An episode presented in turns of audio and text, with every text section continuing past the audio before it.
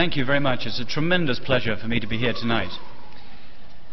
Tack så mycket. Det är en stor förmån och en glädje för mig att få vara här ikväll. There's a story of a recent English archbishop who had his first visit to the United States. Det finns en berättelse om en eh, eh, engelsk ärkebiskop för inte så länge sedan som besökte New York för första gången. He was warned that the American reporters were much tougher than the European press. Han varnades för att de amerikanska reporterna var mycket tuffare än de europeiska. And his press secretary trained him so that he didn't put his foot in it and make some bad mistake. Och hans pressekreterare tränade honom så att han inte trampade i klaveret och gjorde något misstag. Sure enough, when he landed at Kennedy Airport, one of the first questions he got was this Eh, Men mycket riktigt, när han kom till Kennedy, eh, Kennedy-flygplatsen så mötte han några reportrar där och den första frågan han fick var Mr. Archbishop, do you intend to see the strip clubs in New York? Herr ärkebiskop, eh, ämnar du att se stripteaseklubbarna här i New York? But he was well trained and he looked at the reporter and he said, Are there strip clubs in New York? Men han var ju väldigt vältränad. Han tittade på reportern och sa Finns det eh, stripteaseklubbar här i New York? And everyone applauded and he thought he'd done rather well. Alla applåderade och han tyckte att han hade klarat sig rätt bra. But to his dismay, the next morning he saw the newspaper headlines. Men till sin förtvivlan så såg han eh, huvudrubrikerna nästa morgon i tidningarna. Archbishop's first question Are there strip clubs in New York? Ärkebiskopens första fråga. Finns det stripteaseklubbar i New York? Now, I'm afraid speaking through an interpreter is a little like that. Ja, tala genom en tolk är lite utav det. Once I've said it, I have no idea what Gunnar's going to say next. Eh, han har väl sagt någonting så vet han ju inte vad som kommer ut i andra ändan. So I'm just trusting you to tell me if he gives a completely different talk. Så jag tröstar att ni ger en signal om det är helt annorlunda. Det som kommer ut här, från mig. Neither truth nor faith are very fashionable today. Vare sig sanning eller tro är någonting som är särdeles inne idag. Take, for instance, truth. Ta till exempel sanning. The early modern scientist Bacon made a famous remark Den tidige moderne vetenskapsmannen eh, Francis Bacon gjorde det här eh, berömda påståendet. What is truth? he said, jesting Pilate, and didn't stay for an answer. Vad är sanning, sa den gycklande Pilate och stannar inte för, och stannar inte för att invänta svaret. But at least Pilate was prepared to ask the question. Men Pilatus var ändå eh, redo att eh, ställa frågan. George Orwell said that in 1984, objective truth would almost have faded away. George Orwell påstod att 1984 så kommer objektiv sanning att ha fullständigt försvunnit. And that's one of the places where he's remarkably close to the mark. Och där har han kommit anmärkningsvärt nära sanningen. Many of us can remember the 60s when the questions of truth were burning questions. Många kan väl komma ihåg 60-talet när sanningsfrågan var brännande frågor, sanningsfrågorna. People would stay up literally all night discussing what is reality. Människor satt uppe hela nätterna och diskuterade vad är verkligheten?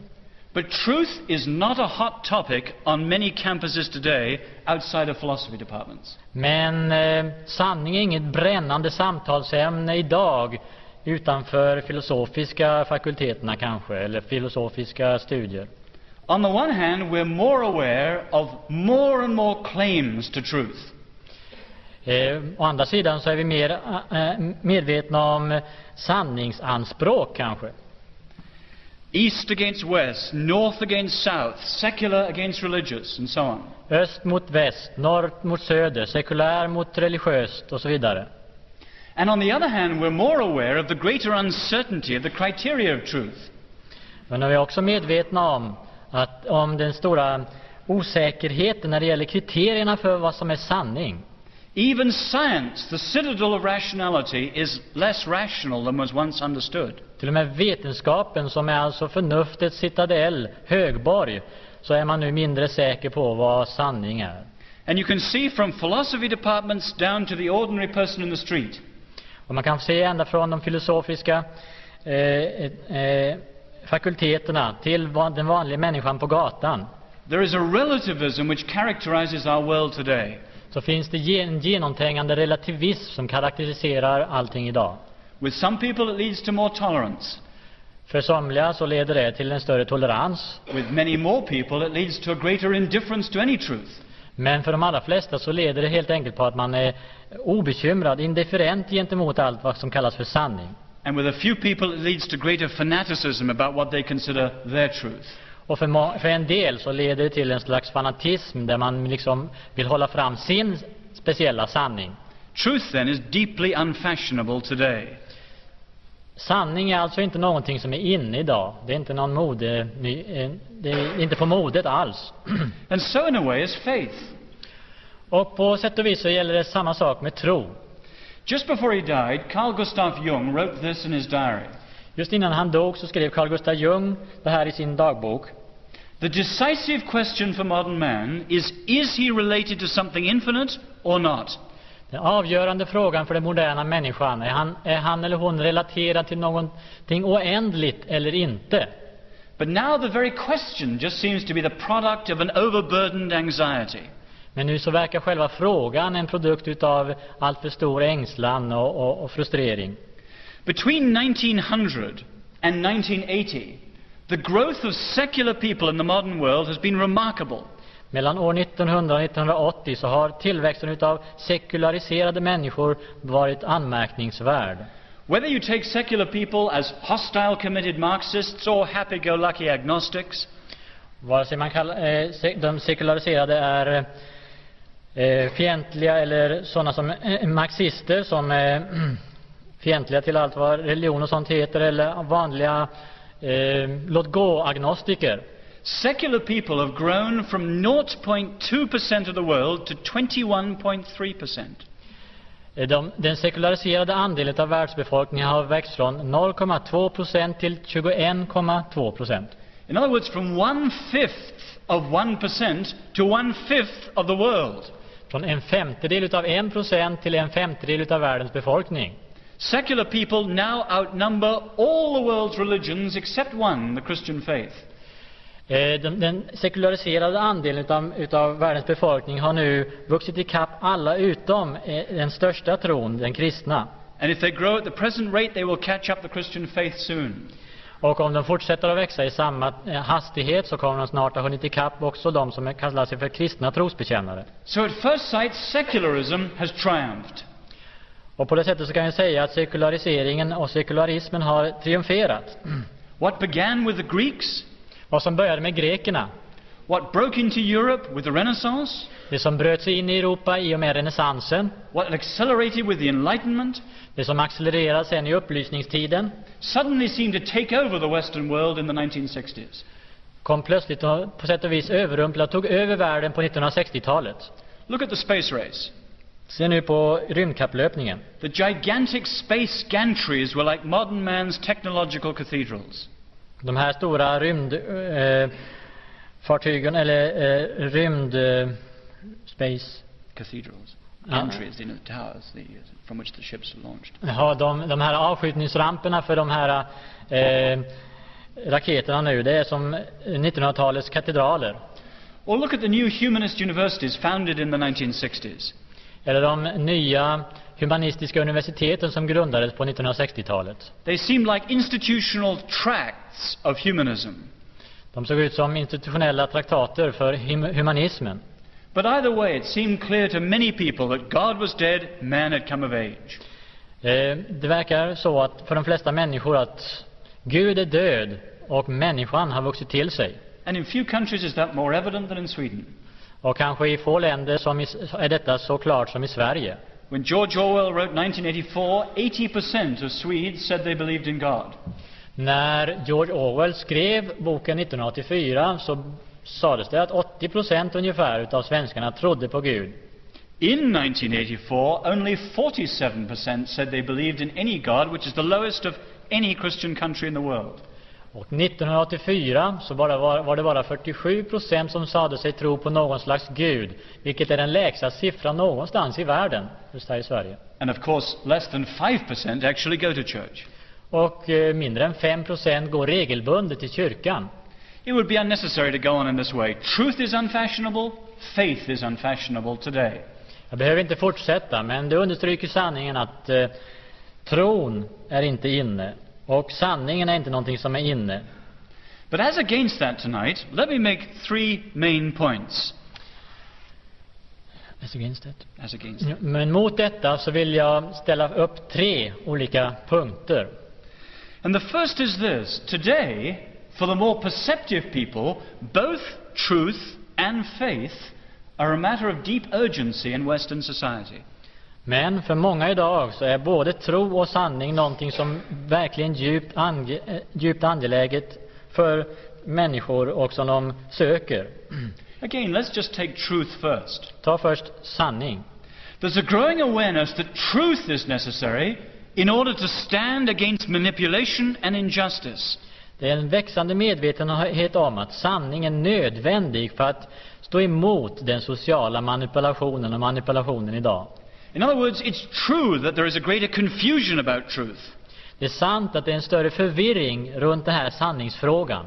It's true that there is less certainty about what truth is. Det är sant att det är mindre visshet om vad sanningen verkligen är. But it's also growingly true that people realize the need for some commitment to some truth. Men det är också sant att människor är medvetna om att man behöver överlåta sig till någon form av sanning.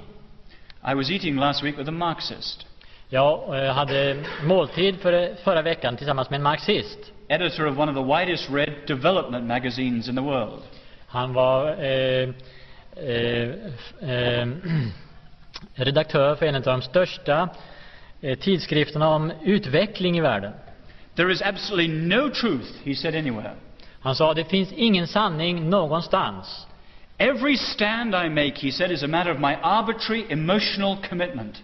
Varje ståndpunkt jag tar är en följd av en, en eh, helt tillfällig emotionell eh, in, inställning som jag har för tillfället. But knowing him well, it was easy to show him that what he said was denied by what he did. Men det var lätt att visa honom att det han sa förnekades av det han gjorde.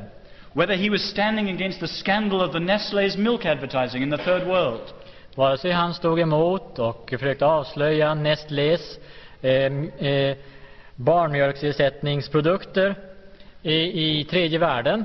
Or against repressive regimes of torture in Latin America, eller förtryckande regimer som torterade människor i Sydamerika. You could see that what was assumed in his stand that was a truth that was over against all that which he considered a lie or an injustice.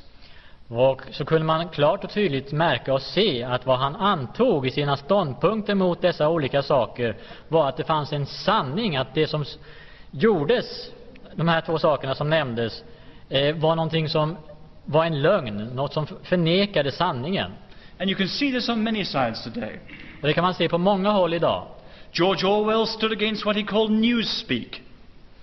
Eh, George Orwell stod emot vad han kallade för det här nyhetstalet, nyhetssnacket. and against the dangers of totalitarian doublethink. Och eh, eh, farorna med det här totalitära dubbel, dubbla tänkandet. But he did so on the basis of what he called plain common sense, which itself was founded on an understanding of truth. Och han gjorde så utifrån vad han kallar för sunda förnuftet, som var grundad på en antagande om att det finns någon slags sanning. Or take someone on the right rather than the left.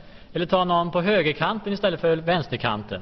Just think for a moment of Solzhenitsyn's attempt to restore Russia's history to Russia. Tänk till exempel på Solzhenitsyns försök att återställa och återerövra ryska historien för Ryssland. Truth in Russia means pravda. Sanning på ryska och i Ryssland heter pravda. But where pravda has mastered truth, Solzhenitsyn's trying to restore truth to Russian history.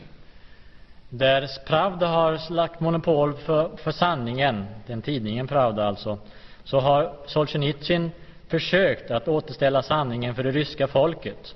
And without the assumption of truth, his entire stand would be meaningless. Och utan att han har antagit och godtagit någon form av sanning så har hans ståndpunkt varit helt eh, eh, standpoint was, Would be meaningless. skulle vara helt meningslös. In other words, the assumption of truth underlies a number of basic things that are essential in our world. Detta med att man antar att det finns någon slags sanning, det, underli, det, det ligger under allt vad vi gör i den här världen. What is reality? Vad är verkligheten? Is everything an illusion that's manipulable, or is something real and other things not real? Är allting en illusion som kan manipuleras eller är någonting verkligt i motsats till det som är overkligt? Or what is identity? Eller vad är min identitet? We can play with many masks and we can have many games played against us, but is there something which is us which cannot be manipulated or not? Vi kan ha många olika masker och vi kan spela många olika roller, men finns det någonting som inte går att manipulera som är verkligen jag, mitt eget jag? What is right and justice? Is everything open to different interpretations in different languages, or can some things be said to be wrong?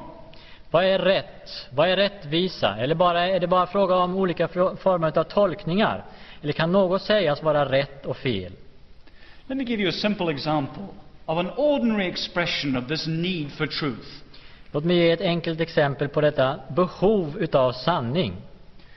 We have in English, it can't be translated exactly into Swedish, but we have in English a very interesting swear word. Vi har på engelska ett mycket intressant svärord. Jag vet inte om det går att översätta på svenska.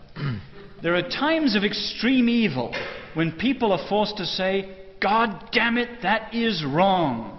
I- När, det, när en stor ondska begås så brukar folk säga ut, utropa eh, Gud sig förbanne eller det är fel.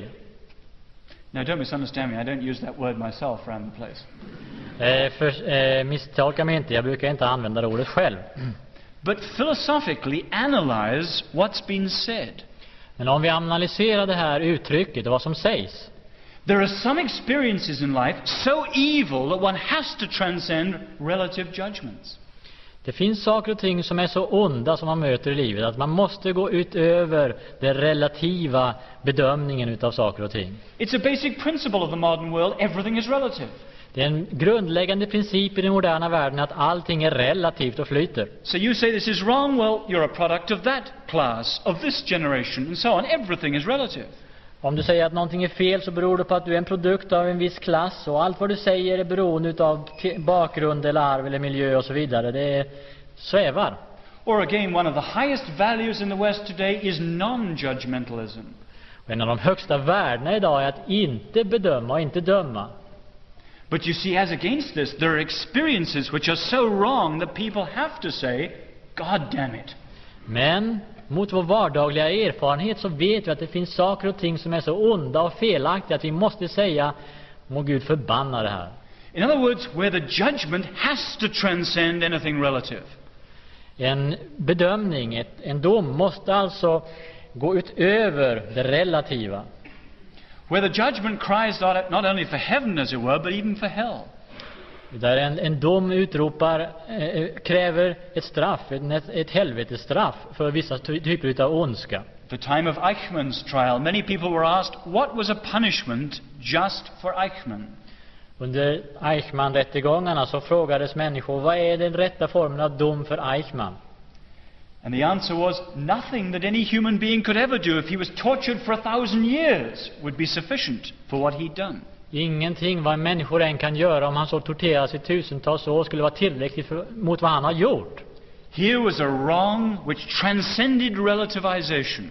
Här var alltså en ondska, ett, en felaktigt, ett felaktigt handlande som gick utöver det som vi vanligtvis brukar relativisera.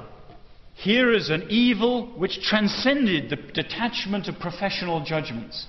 Här var alltså en ondska som övergick det här liksom avskilda sättet att bedöma saker och ting som vi vanligtvis har idag. So out of one side of modern people's mouths, they're saying, no, there is no truth.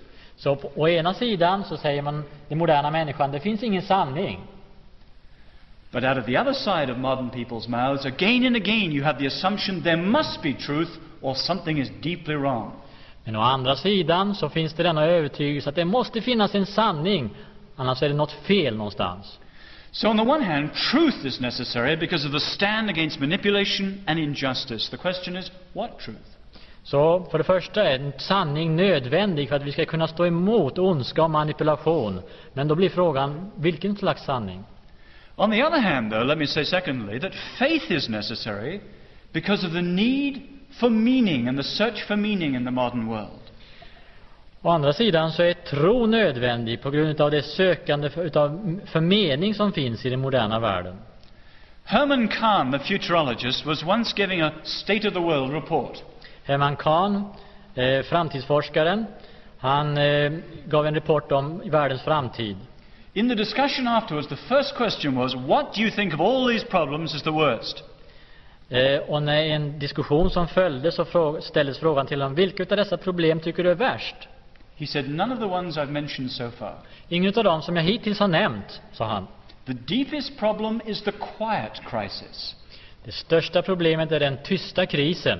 the crisis of meaning, of morale, and morals. Eh, krisen utav mening, en eh, moral och principer i livet. The whole cry that God is dead and man has come of age looks very old fashioned now. Hela det här utropet att Gud är död och människan har vuxit till sig och blivit mogen, det är ute idag. 20 years old, but it might be 200. Det är bara 20 år gammalt, men det låter nästan som 200 år gammalt. Some of you probably read the title of one of the books of one of the nouveaux philosophes in Paris.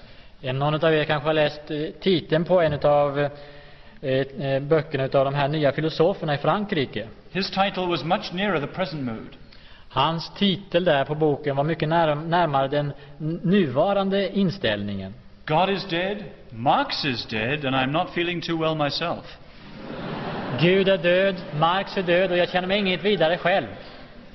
In other words, one of the deepest signs of the last 20 years Eh, I andra ord, en av de djupaste kunskaperna i de, la- de sista 20 åren is the recognition of the hunger that's human for meaning and belonging. just detta iakttagelsen utav och hungern efter mening och att tillhöra någonstans. In other words, human beings want to make sense of their lives and have meaning. Mänskliga varelser vill göra mening av sina liv och ha en mening för sina liv. Human beings want to have stability in their worlds. They want to belong somewhere. Mänskliga varelser vill ha eh, stabilitet i sina liv och tillhöra någonstans. And you can see all over Western, apparently secular societies, signs of this new search. Och överallt i den moderna västerländska sekulariserade samhället så finner vi hur man söker efter detta. Take even secularism itself. Ta sekularismen själv. The irony is today that secularism as an explicit philosophy does not appeal to very many people.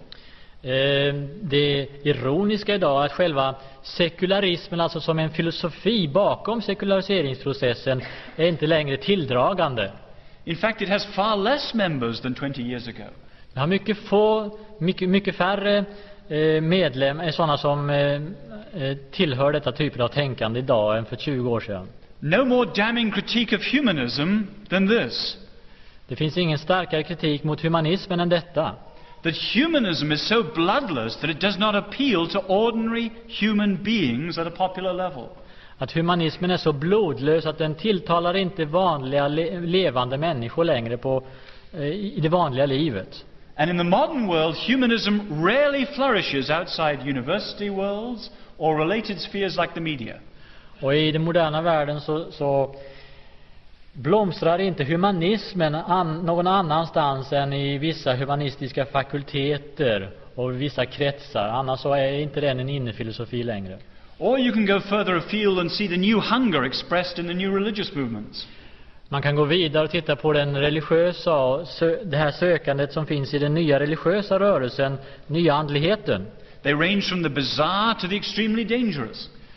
Som eh, varierar från det helt bizarra till det, ganska till det helt farliga. But no one should ignore that these are some of the largest voluntary groups in modern society.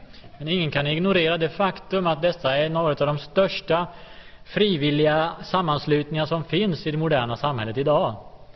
And it's now said, for instance, that Europe is not so much post Christian and secular, Och sanningen är att i Europa idag är inte så mycket efterkristet och sekulärt as pre Christian and increasingly pagan.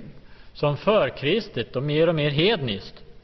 Or you can go to places in the United States like Berkeley, Eller man kan gå till platser så i Förenta Staterna som i Ber- Berkeley, And within 50 miles of Berkeley, you can find an example of every religion the world has ever seen. I en omkrets av 50 eh, engelska mil så kan man hitta nästan alla typer av trossystem. All alive and well and flourishing in a highly modern society. Alla lever och växer och trivs i det här moderna samhället. And of course, it's often the sons and daughters of the scientists and the atheists who are the strongest members of these new religious movements. Och det är, all, det är oftast sönerna och döttrarna utav de moderna vetenskapsmännen som är med i dessa olika nyandliga grupper och rörelser. Or, most importantly of all, you can put your ear to the ground of the perceptive thinkers. Eh, Men ännu viktigare om man lär sig att lyssna till de moderna tänkarna idag. It's not that by the dozens they're returning to faith. Så är det inte det att de i dussintals så att säga återvänder till den kristna tron. But rather, there's a sense all over the place that the community of faith, the sense of faith, is needed even to keep the academic world alive. Så är det ändå detta att eh, trons gemenskap och eh, eh, någon form av tro, trosgemenskap behövs även i den akademiska världen. You can think of leading Marxist thinkers like Alistair McIntyre, the philosopher, Man kan, tänka sig, man, man kan bara tänka på ledande marxistiska eh, ideologer som Alistair McIntyre. McIntyre. Or you can think of leading Marxist philosophers like Kolakowski, Eller ledande marxistiska eh, filosofer som Kolakowski. And all of these are people who have either become Christians again or are now respecting religion in a new way. Och kännetecknande för, för dessa är att de, eh, om inte de har blivit kristna, så har de en ny respekt, en ny känsla för vad den kristna tron verkligen betyder, den kristna kulturen. And many of you will have probably read the amazing interviews with Jean Paul Sartre just before he died. Och en del kanske har läst de här förvånande intervjuerna med Jean-Paul Sa- Sartre precis innan han dog. In which, published in a left wing magazine, he came to a position indistinguishable from a Christian one. Där han i, ett, eh, i, ett, i en eh, artikel i, ett, eh, vänster, i en vänstertidning kom till slutsatser som man knappast kunde skilja från kristna. Again, one could say more, but I would argue strongly that in modern society, truth is needed in the stand against manipulation, and faith is needed in terms of a search for meaning. Man kunde ge många fler exempel på detta, men vi kan alltså konstatera att i det moderna samhället så behövs sanning för att stå emot olika former av manipulation. Och tro behövs för att vi ska finna en mening och en tillhörighet. Let me go on to argue a second main point. Låt mig sen ta fram en annan punkt här. If this has a general urgency for Western society, it has a very particular urgency for Christians. Om detta är angeläget för det västerländska samhället så är det särskilt angeläget för kristna, för den Christianity, kristna tron. Christianity is a faith and it claims to be true. Just därför att krist, kristendomen är en, en tro och den gör anspråk på sanningen. And only if it can justify itself on both these levels can it contribute to the current debate and the current dilemmas. Och bara om den kan eh, berättiga sig själv på dessa två områden så kan den bidra till just detta sökande i den moderna världen. So for the Christian, there's both a negative reason and a positive reason why this is deeply important. Så för kristna finns det både en negativ och en positiv anledning varför detta är viktigt. The negative reason is simply that if the faith is not true, it is merely an illusion and a crutch. Den negativa anledningen är att om, sanning, om, om tron inte är sann så är den bara en illusion och en krycka. We all know the arguments from Lucretius, fear made the gods, right down to Marx and Freud. Vi känner alla till de här olika argumenten, ända från greken Lucretius till Freud om just detta med fruktan som grunden för religion. The religion is ultimately a crutch, and it's the opium of the people, or whatever. Man har haft olika anledningar att säga, och försöka mot, eh, analysera religion så som en krycka, som ett opium för folket och så vidare. And clearly, if Christianity claims to be a faith that is not true, Och det är helt tydligt, um, kristendomen gör anspråk på att vara en tro utan sanning. then it is an illusion, either in the Marxist sense of being flowers on the chains of Western captivity, Så är den en illusion i den marxistiska betydelsen utav att vara blommor på de, de fängslade, eh, pro, pro, proletar, fängslade proletariatet. Or on the individual, det fängslade prol- proletariatets kedjor. or on the individual sense of being the vital lie which sustains an individual who is afraid to face death itself. Eller i den individuella betydelsen att det är en livslögn som hindrar en individ från att se sanningen och leva i verkligheten. What would be a Christian response to some of these objections? Vad skulle vara ett kristet gensvar på några av dessa eh, påståenden? At the lowest level, and this in itself is not an answer, På den lägsta nivån, och detta är i sig självt inte ett svar, it's important to see that non Christian intellectuals are as prone to use religion as a means of manipulation as anyone is. det är sant att eh, även icke-kristna, non-christian intellektuella, använder reli- religionen som ett sätt att manipulera. In fact, often they're more prone. Och de, är- det ligger närmare till hands för dem. You probably know that Voltaire, who did not believe in God, refused to allow atheism to be discussed in front of his wife or his servants. Man vet till exempel att Voltaire, som ju sa sig inte tro på Gud, förbjöd att man skulle diskutera ateism framför hans fru och hans små barn. Atheism was for the elite, but it would corrupt the morality of the, of the others. Eh, Ateism var för eliten men skulle korrumpera moralen för de vanliga människorna så att säga. So even his wife's faithfulness, let alone his servant's honesty, was usefully cemented by religion. Så hans eh, frus trofasthet, trohet emot honom, hans tjänares eh, eh, ärlighet, det använde han genom att tillåta dem att ha en religion. And you can see from ancient Rome right down to modern atheistic intellectuals that same movement. Och ända från Rom till, eh, till eh, from Rome to, Modern atheistic. till, till moderna ateister så har jag samma sort, eh, typ av inställning. Come up one higher still to make a second point. Om vi går ännu lite högre för att eh, nämna en andra punkt. The reason that secularism is not satisfying today is precisely because it's man made. En av anledningarna att- att sekularismen inte tillfredsställer idag är att den är människogjord. In other words, everyone is aware that it's a fiction, it's a human creation. Alla är medvetna om att det är en mänsklig skapelse. Religions may be an illusion, but the illusion is only strengthened by the claim to truth. Eh, visst är religion en illu- illusion menar man, men den, den, den eh, stärks genom detta att den gör anspråk på sanning. Don't misunderstand me, that doesn't make them better, that makes them more dangerous. Det gör dem inte bättre utan gör dem mera eh, farliga. However false a religion may be, it has a strength because it claims to have an umbilical cord to the universe itself. Hur falsk religionen än är så har den sin styrka i att den gör anspråk på att ha kontakt med verkligheten. But you notice that false though it may be, it's the claim to truth which gives it strength, and so truth again is important. Hur falsk en religion än må vara så är det just detta sanningsanspråk som är dess styrka och som är det viktiga. The question is, is it true or not? Men frågan är, är det sant eller inte? But let's move to a higher point still. Men låt oss gå ännu en punkt högre.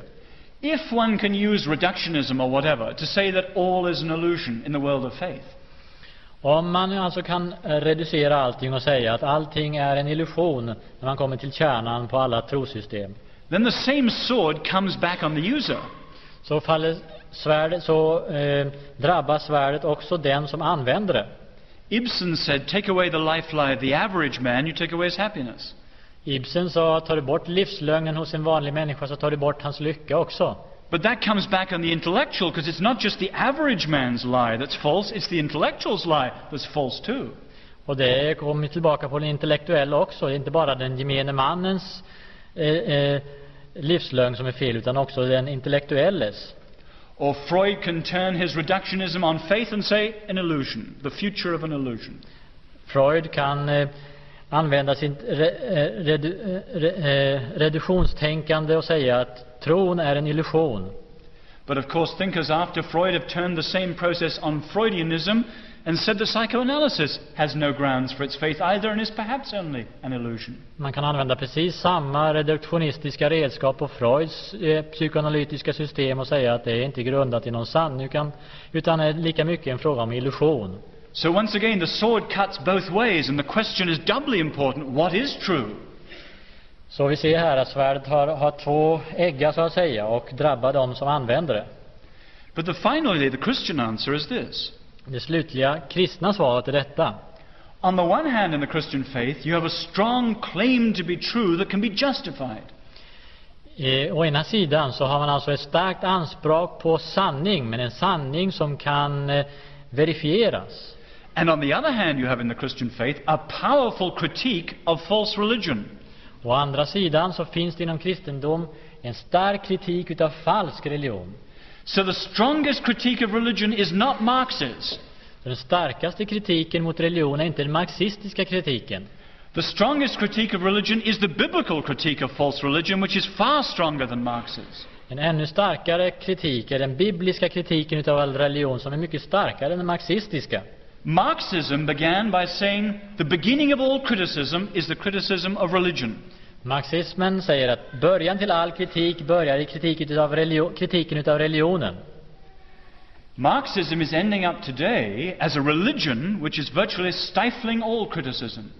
Och, men marxismen har stannat upp och stelnat idag till ett system som hindrar all form av kritik. En religion som hindrar all kritik har blivit alltså en religion.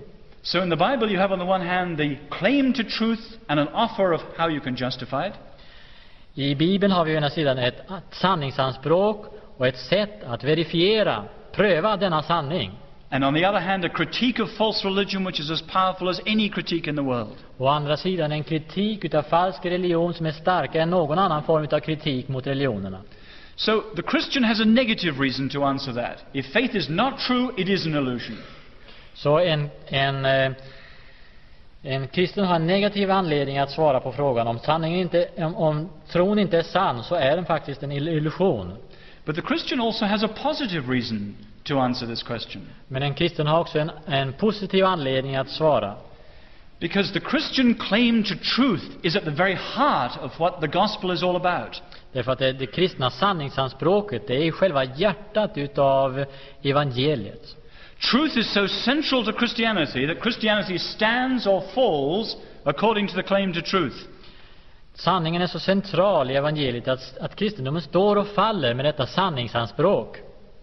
Philosophically speaking, in Western history, the strength of Christianity lies in the nature of its claim to truth. Filosofiskt talat så, har kristen, så är kristendomens styrka i detta det- sitt sanningsanspråk, filosofiskt talat. Sociologically speaking, in Western history, the strength of Christianity lies in its challenge to tension. Sociologiskt så ligger kristendomens styrka i denna ut, eh, utmaning till att leva i en slags spänning. And both the social dynamic of the Christian community and the social disruptiveness of Christianity in world history go back to the same thing. Och både den sociala dynamiken i den kristna tron och den sociala omstörtande principen i den kristna tron går tillbaks till detta. So Christianity makes a claim that is unequivocal and different from most other claims in the religious situation today. Så kristendomen hävdar alltså att den är olik, annorlunda än alla andra trossystem i världen idag. Compare this with some of the other attitudes to truth. Jämför detta med alla andra attityder till sanning.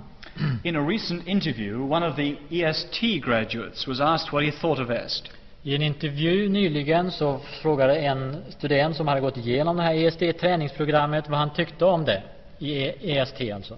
He said, I don't care if it's crap and not truth, it changed my life, and that's all that matters. Jag bryr mig inte om om det är, om det är skräp, men det huvudsakliga är ju att jag har, det har förändrat mitt liv. And you can see that casual, subjective, experiential attitude to truth is very common, but not Christian. Du ser alltså att eh, det här liksom, eh, ganska likgiltiga attityden till sanning är väldigt vanlig.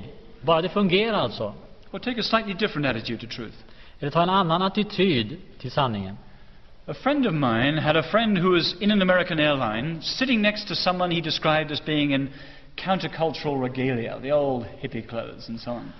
En, en vän till mig satt bredvid en, eh, i ett flygplan bredvid en människa som såg ut så, precis som sån här eh, nyandlig eh, människa, människotyp som liksom såg ut, som hade det här alla yttre objekten så att säga. And this liberated gentleman was trying to persuade this friend that he should have a liberated lifestyle too, sexually, drugs, and so on. Såg ut alltså som någon slags hippie och han, den här bef, eh, frigjorda eh, vännen, han försökte också övertyga min vän att han också skulle vara, ha en frigjord attityd till livet, till sex och mycket annat. But this friend knew the situation rather well. Men den här vännen, han kände till situationen ganska bra. So he played a game on this person. Så han lekte lite med den här personen. He said, You know, you- you're flying the right airline. Så frågade han, "Hur- är du säker på att du flyger med rätt eh, eh, bolag? This is the one airline that has a really liberated, groovy, swinging policy. Det här är ett flygbolag som har verkligen en frigjord och lite flummig eh, sätt att eh, driva sitt eh, bolag. He said, This is the airline you probably know where the pilots often take drugs when they fly and the flight, the flight attendants make love up in the cockpit and Eh, Det här flygbolaget som du kanske känner till har piloter som ofta tar lite eh, narkotika, lite och, och stärker sig på olika sätt och flygvärdinnorna eh, har, älskar varandra i, li, lite överallt. He, built up the story for about built up the story for about ten minutes. At the end of which time, he said the person next to him was sitting in a state of barely controlled panic. Och han höll på sådär tills den här vännen bredvid, till den här personen bredvid honom eh, kom in i ett, nästan ett panikstadium. But you see the point. His philosophy of life was fine for the private life. Du kanske förstår vad jag vill säga här. Hans filosofi, det passade kanske bra för det, hans helt privata lilla eh, liv. But even he didn't want anyone to fly an airline on that philosophy. Men han ville inte heller, han ville alltså inte ens att någon skulle driva ett flygplan eller flyga ett flygplan enligt den livsfilosofin. But again, Christianity is not like that. Men kristendomen är inte sådan. If Jesus Christ is Lord, he's Lord of everything or nothing. Om Jesus Kristus är Herre så är han Herre över allting eller ingenting. And the modern segmented, compartmentalized faith is nothing to do with the Christian faith. Och den här moderna, segmenterade, uppdelade tron, det har ingenting med den kristna tron att ge, göra. So this question has a tremendous urgency for Christians and anyone considering the Christian faith. Så den här frågan har en, är, väldigt angelägen för den som är kristen och för den som vill eh, pröva den kristna tron. Either Christianity is true in the way it claims, or it's not worth considering for a second. Antingen är, kristendomen sann och stämmer överens med verkligheten, eller så är den inte alls, har någonting, har någonting med det att göra. Let me go on, thirdly and lastly, though, to the question of how people discover such a strong truth. Nu kommer vi till frågan, hur kan man upptäcka en sådan stark sanning? You know as well as I do, all of you at the university here, how contested truth is today. Eh, ni förstår alla, ni som studerar, hur utmanad, how contested truth, Truth is. hur utmanad eh, och prövad sanningen är idag. But one thing is certainly true that the criteria you use are absolutely key to the truth you come to. Men en sak är sann, att de kriterier du använder är av, avgörande för den typ av sanning du kommer fram till. So, whether it's science or faith, the key question is what criteria are you using and are they the right ones? Vare sig det gäller sanning eller, eller vetenskap eller tro, så är det avgörande vilka kriterier använder du för att komma fram till detta. It's obvious, for instance, that some criteria are quite wrong. Det är helt tydligt att en del kriterier är helt felaktiga. Let me give you two examples. Låt mig ge dig två exempel. I'm in the social sciences, and the tool I often use is the sociology of knowledge. Jag studerar social vetenskap och sociologi och eh, en av de, de eh, redskap jag använder är eh, excuse me, Sociology of knowledge. eh, kunskapssociologi. In other words, the idea that you can interpret people's ideas according to the social context from which they live. Med andra ord, man kan alltså tolka en människos idéer och föreställningar beroende på det sociala kontext som hon befinner sig i. And this has obviously been used as a form of reductionism. Och detta används som ett sätt, en, en form slags reduktionism, där man försöker reducera allting till detta. So you can think of Marx, who said that religious ideology was purely a product of the substratum of society. Och eh, om man tar till exempel Marx så sa han att religiös ideologi var helt och hållet en produkt utav de förtryckta massornas eh, föreställningar. The problem with this is it's simply self-refuting. Problemet med detta är att det är självmotsägande.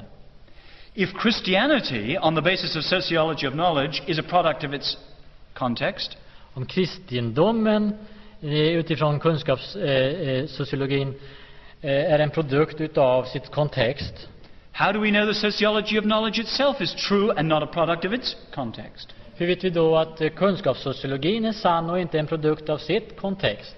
And applied in the simplistic way which many Marxists use today, the criteria is wrong because it eats them up too. Och tillämpat på ett enkelt sätt och på simplistiskt sätt så eh, blir det här kriteriet fel, för det äter upp vad man försöker nå fram till. Or take another example in philosophy, the so-called verification principle. Vi tar ett annat exempel i filosofin, den så kallade verifikationsprincipen. This was put forward by A.J. Ayer and the others in the 1930s. Det här framställdes av positivisten A.G. Ayer och andra som följde efter honom. They said that the meaning of a statement could be measured by the way it was tested through the senses.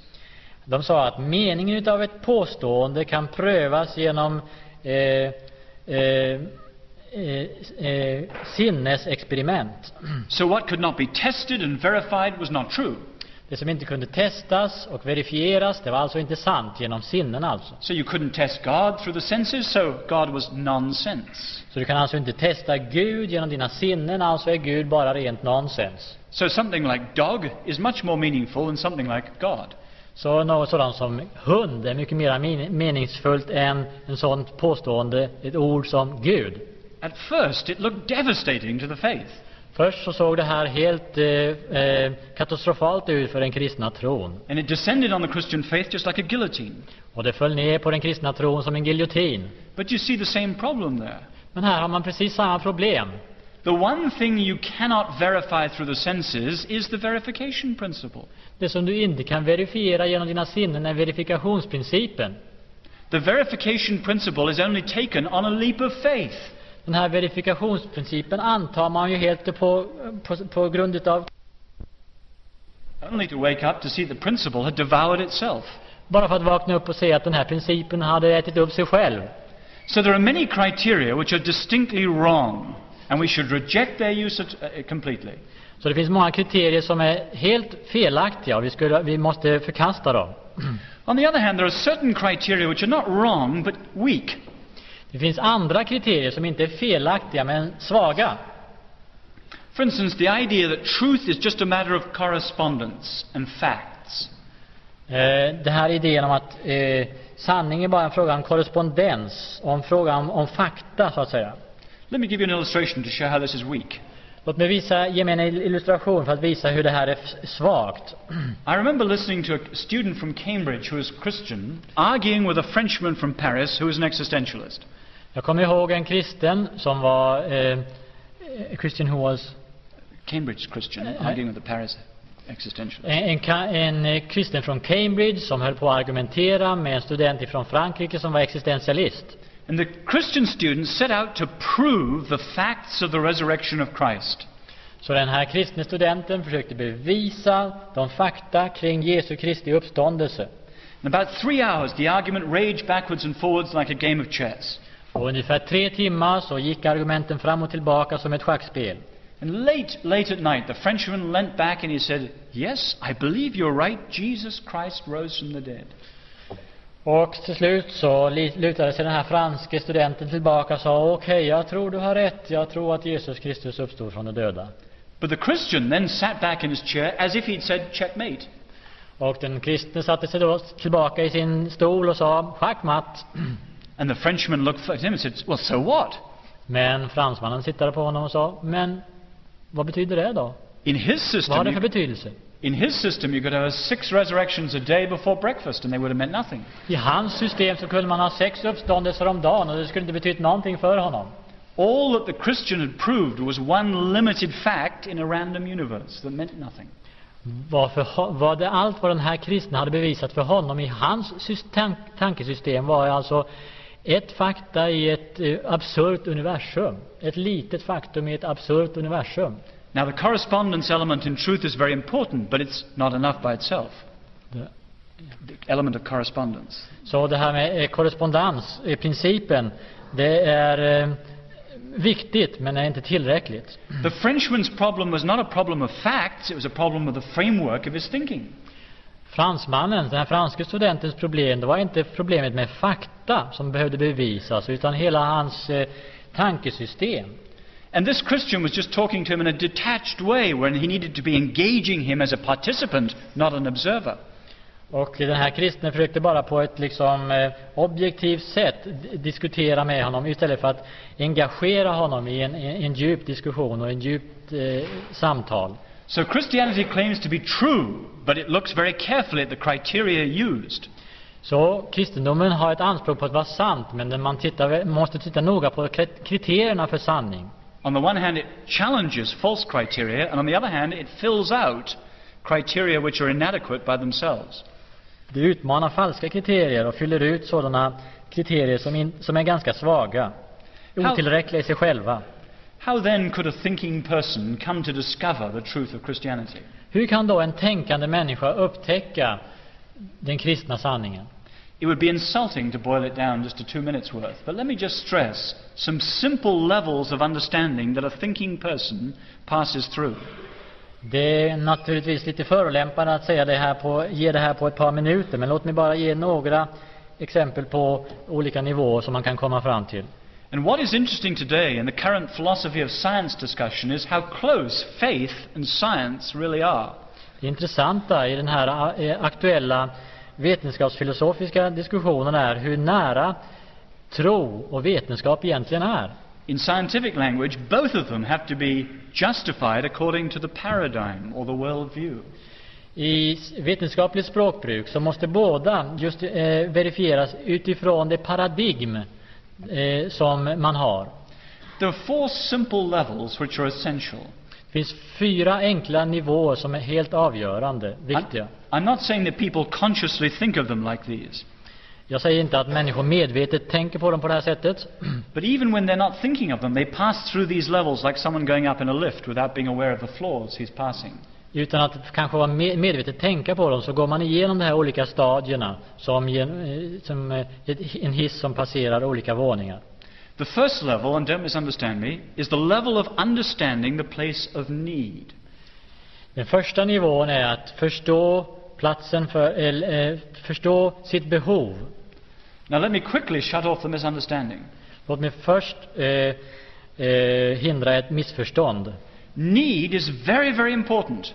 Behov är väldigt viktigt. But no one believes in God because of need. Ingen tror på Gud på grund av ett behov. Need is important because it means they disbelieve in what they believed in before because of need. Ni, behov är, beho, är, är nödvändigt för att man eh, eh, man eh, man. Eh, man tar avstånd från det som man har trott innan och börjar söka någonting nytt. In other words, the place of need in the religious search is like the place of an anomaly in a scientific theory. Platsen för, ett, för behovet i det, det kristna sökandet är samma plats som det här med en anomali har i en, i en eh, vetenskaplig teoribildning. It's the need which shakes a person's faith or philosophy of life or worldview and starts them as a searcher. Det är behovet som visar på otillräckligheten i en människas tidigare trosystem och börjar, som får henne att börja en vandring, ett sökande mot någonting nytt. There can be intellectual needs or moral needs or psychological needs. What kind of need doesn't matter. Det kan vara intellektuella behov, psykologiska behov, moraliska behov. Vad behov det än är, det betyder inte så mycket. Some needs can be extreme, some can be very mild. En del behov är extrema, andra är ganska milda. But it's some awareness of the understanding of need that begins the search and is the first level of understanding. Och det är alltså något, eh, någon medvetande om ett behov som sätter igång det här sökandet. The second level is the level at which Christianity is considered as a possible answer. Den andra nivån är att kristendomen anses som ett möjligt svar. At this stage, it's only considered as a possible presupposition. I den här nivån så anses det, så, så, så kan man se det som en, eh, en, en, en möjlig, ett möjligt antagande. In other words, realizing it or not, the searcher says to himself, if this were true, what difference would it make? Man säger ungefär så här, om detta är sant, vad skulle det betyda? Vilken skillnad skulle det innebära? And of course, in the back of his or her mind is the need to which they need the answer. Och bakom detta, det bakomliggande är behovet att verkligen finna ett svar. på sitt behov. So they're seeing, does this faith, which claims to be an answer, throw light on the particular problem I have? Så vad man funderar över, kastar det här eh, kristendomen till exempel då, eh, ljus över det behov som jag har och ger ett svar på det. But what's heavily underlined is the if. If this were true, would it make a difference? Men det viktiga här, om, om detta är sant, skulle det innebära någonting annorlunda. The third level of understanding is the level of understanding that surrounds evidences. Den tredje nivån utav förståelse är den som har med bevis att göra. If this were true, it would provide answers is level two. Om detta var sant, så skulle det komma att ge svar på nivå två. But then the third question is, is it true? Men den tredje frågan är, är det då sant? Within the framework of the assumptions, are there facts which give weight to these answers? Inom, det, eh, inom det, den ramen utav antaganden så finns, finns det fakta som underbygger det hela. So there is a place, for instance, for the evidence for the resurrection within the framework of Christian assumptions after someone has a sense of need. Det finns alltså be, eh, plats för bevis, fakta, inom den, den ram utav antaganden som man har inom den kristna tron. The fourth level of understanding is the level of commitment. Den fjärde nivån som man kommer till när det gäller förståelse av den kristna tron är detta om överlåtelse. Because when someone comes to see that Christianity is true, För när någon då kommer fram till att se att kristendomen är sann och bevisat vara sann, they see that here is a very distinctive type of truth. så ser man att här är en speciell typ utav sanning. A truth which is not detached, but participant. En, en, en, en sanning som inte är frigjord från verkligheten utan kastar mig rakt in i den, en, en, en, som gör mig delaktig. A truth which is not impersonal, but finally personal. En sanning som inte är opersonlig utan- djupt personlig. A truth which cannot be known at arm's length, but only by the commitment of someone signing their own name to belief. En sanning som inte kan, man inte kan lära känna på armslängds avstånd utan måste kräva en överlåtelse till en person. Now, I'm not saying for a minute everybody thinks of those four levels of understanding. Jag säger inte att alla tänker på det här sättet, på de här fyra nivåerna utav förståelse, ökande förståelse. Sadly, there are many Christians who've missed out one or others of those levels. Tyvärr finns det många kristna som har missat någon av dessa nivåer i sin växande förståelse utav kristen tro. The most commonly missed out one is the third. Den vanligaste som man förlorar eller missar är den tredje. And there are many people today who virtually say, I have a need, Christ is the answer, bang, I believe. De, väldigt många säger så här, jag har ett behov, Kristus är svaret, pang, och så överlåter man sig. But you can see in this situation, the Christian claim and the current need are that we know that these things are true. Men i denna situationen eh, så, så kräver anspråket att eh, eh, behovet motsvarar också sådan eh, sanningen som kan bevisas, som kan ge vittnesbörd för sig. So does truth matter? Does faith matter? Absolutely today. Så betyder tro någonting? Betyder sanning någonting? Let me put it in Na, the way. natur, eh, absolut, visst gör den det idag. Let me put it in the way that one modern sociologist puts it. Låt mig nämna det på det sättet som en modern sociolog har, har, har eh, uttryckt det. He says, just think of a mother with her baby in the middle of the night when the baby's crying. Tänk på en mamma med ett litet spädbarn, ett spädbarn som gråter mitt på natten. She picks it up and comforts and reassures it, and she says something to the effect, It's all right. It's all right. Hon tar upp det, hon tröstar det, hon säger kanske så här, det är ingen fara, det är ingen fara. This sociologist points out that the deepest longing in all human society is for a sense of order. Eh, och han sa så här, den här sociologen, att den djupaste längtan hos vanliga män, hos människor är denna känsla utav harmoni, utav ordning i tillvaron. But if Freud is right, and if God is not there, Men om Freud har rätt och Gud inte finns där, behind this human longing for order is the spectre of death. så bakom denna längtan efter harmoni och ordning så finns det här um, död, finns död och overklighet. So human beings are not just a community in the face of death, they're a conspiracy to drown out death. Så mänskliga varelser är inte bara eh, en human beings not just a community in the face of death, but a conspiracy. Inte bara en gemenskap som, som eh, så att säga står emot döden och sanningen om döden utan en ko- konspiration emot döden. In other words, things like order we assume every day of our lives from our mother onwards. Sådana saker som ordning så tar vi för, tar vi för givet från födelse, fö- födelseögonblicket tills vi dör, hela tiden. But are they a complete fiction? Men är det helt och hållet en illusion detta med ordning, harmoni? is our sense of love or joy or humanness a total illusion? Är vår känsla utav kärlek, utav eh, mening och inriktning i livet är det, och, är det, och, och rätt och så vidare, är det bara en illusion? Or could it be that God is there and that these things have ultimate meaning because He's there? Eller kan det vara så att Gud verkligen finns där och att de har en mening just därför att han finns där? C.S. Lewis used to say about many religious believers that they were like children playing and pretending to be burglars. Eh, C.S. Lewis sa att eh, om, om krist, about Christians, Re- Religious believers, they were like children playing and pretending to be om, burglars. om religiösa troende, att de var som barn som lekte att de var bur, Burglars. eh, tjuvar. When they were playing at being burglars, the whole religious thing was fun. När de lekte att de var tjuvar så var det hela, det hela väldigt roligt. True Christianity, though, said Lewis, is different. Men sann kristendom är någonting annat. It's like children playing and pretending to be burglars, and suddenly they freeze because they hear a footstep in the hall of a real burglar. Det är som barn som leker att de är tjuvar men plötsligt så fryser de till och hör fotsteget av en verklig tjuv. When people play at the game of belief, it's fun and just a nice human fiction.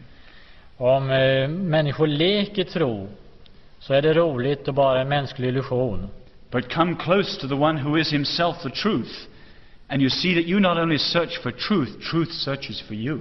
Men kommer du san- nära det som är, eh, honom som är ursprunget till all sanning så ser du att, eh, att eh, du kan inte bara leka med sanning utan sanningen kommer och uppsöker dig.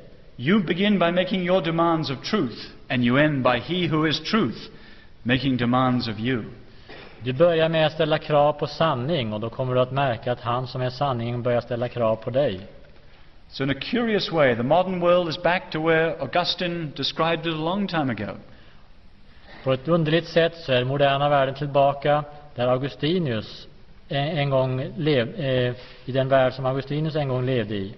You have made us for yourself, he said to God. You have made us for yourself, and our hearts are restless until they find their rest in you.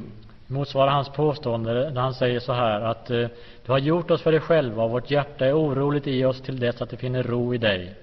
Perhaps nothing in the modern world matters more than truth and faith. Det finns ingenting i den moderna världen som betyder mer än sanning och tro.